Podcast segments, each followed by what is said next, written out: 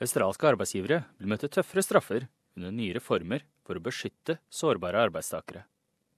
Talspersoner sier at innvandrere og internasjonale studenter nå har bedre beskyttelse, men at arbeidstakernes utnyttelse er et utbredt problem. I to år jobber Pranay Alavala på en 7-Eleven-butikk i Brisbane. Han sier at han ble betalt under minstelønn og ikke fikk pauser eller lunsj. I used to work in the. We get no breaks, nothing, and you have to do a lot of jobs by yourself. Giri Sivaraman fra Morris Blackburn Lawyers sier at Alavalas erfaring ikke er unik. If you look at certain industries like agriculture and um, hospitality, you will find rampant exploitation of migrant workers. It really is a terrible indictment on this country.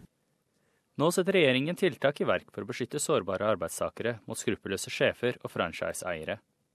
Under endringer i Fair Work Act, vedtatt av Senatet, vil bedrifter ikke lenger kunne utnytte arbeidstakere eller lukke øynene når de blir klar over misbruk. Det vil bli nye harde straffer på opptil 126 000 dollar for enkeltpersoner og mer enn 600 000 dollar for selskaper som bryter Fair Work Act.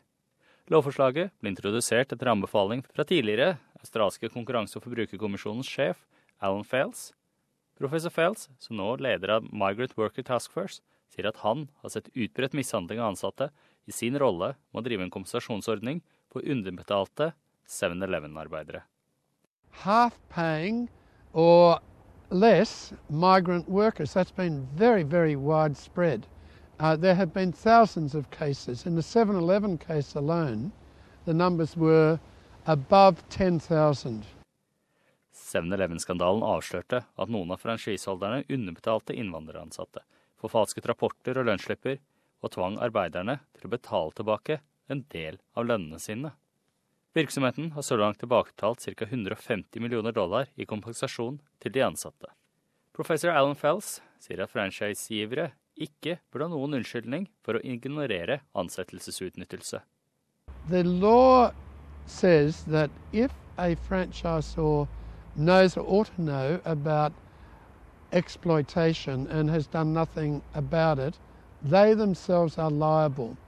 That will have a powerful effect on franchisor behaviour. Labour støttet lovforslaget, men først etter at Coalition ble enige om å droppe en klausul som ga ombudsmannen myndighet til å bøtelegge arbeidere som ikke gav bevis mot sin arbeidsgiver. Det israelske fagforbundets president, Jed Keheny, sier at en slik myndighet ville vært urimelig. The coercive powers clause would have given uh, the Fair Work Ombudsman the power to force a worker to dob in a mate for doing behaviour that the Fair Work Ombudsman would have thought needed um, attention by them. Um, and if you refuse to dob in a mate, then you could get fined, you know, over $100,000, which was ridiculous. Denne saken var laget av Michelle Rimmer og Miles Morgan på SBS norsk.